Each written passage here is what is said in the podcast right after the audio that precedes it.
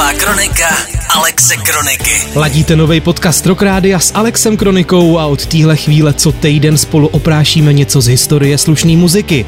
V Rokový kronice budem připomínat alba, singly i slušný muzikanty a zrovna teď spolu kouknem na výročí 49. týdne v roce.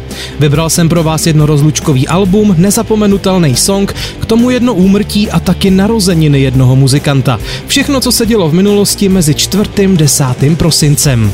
Tak třeba to album. 5. prosince před 23 rokama vyšlo Renegades, deska, co uzavřela první etapu rokové skupiny Rage Against the Machine. Je to jejich čtvrtá studiovka a vyšla několik týdnů po tom, co se kapela oficiálně rozešla. Album se neslo v duchu coverů, takže jsou na něm předělávky od Bruce Springsteena, od Stoneu, ale třeba i od Boba Dylana nebo od Cypress Hill. Tím, že placka vyšla po rozchodu kapely, stala se tak jedinou, ke který Rage Against the Machine neměli doprovodný turné. Ale jak se už říká, konec něčeho je začátek něčeho dalšího a to platí i tady. Krátce po vydání Renegades založili všichni členové kapely s výjimkou Zakadela Roče novou skupinu a před mikrofon se jim postavil zpěvák ze Soundgarden Chris Cornell. Tak asi tužíte správně, konec Rage Against byl vlastně začátkem Audioslave. No a ani s původní kapelou to nebylo definitivní. Znovu začala fungovat od roku 2007. To jim vydrželo čtyři roky, no a v roce 2019 se zčuchli na novo a fungujou doteď. Zpátky ale k výročím za začátku prosince.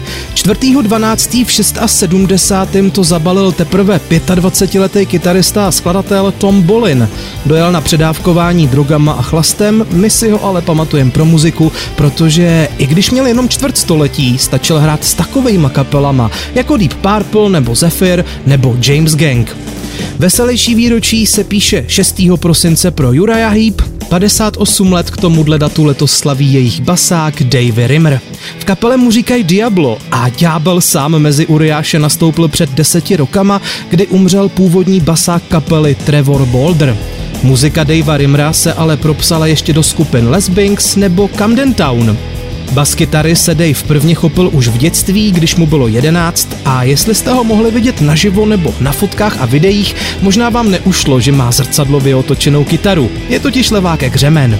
Zakončím to songem. 6. prosince v 71. začali Deep Purple s nahráváním velkopísně Smoke on the Water, o který se dodneška mluví jako o jednom z největších rokových nářezů všech dob. Tenkrát byla skupina ve Švýcarsku, věnovali se natáčení studiovky Machine Head, když najednou začalo hořet. Všichni museli z baráku ven a jako ostatní tak i párplové s hrůzou sledovali, jak jim před očima hoří hotel a jak se kouř pomalu snáší dolů na hladinu Ženevského jezera. No a odtud teda pojmenování písně Kouř na vodě. Název songu ale málem nezůstal. Kapela chvilku přemýšlela, jestli to celý nepřejmenovat, protože kouř na vodě, to by se lidi mohli vyložit jako píseň o drogách právě kvůli tomu kouři.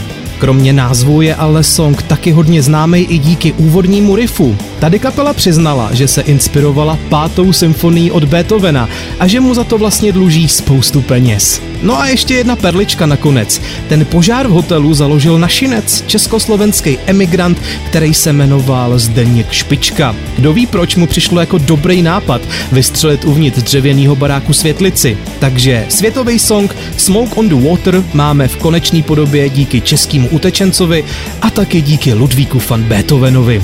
No a to je všechno z našeho společného výletu do rokové historie. Já děkuji za poslech a už za týden se můžete těšit na pokračování. Znova pro vás totiž rokovou kroniku otevře Alex Kronika, tak se zatím mějte jak potřebujete a čau. Rock Radio.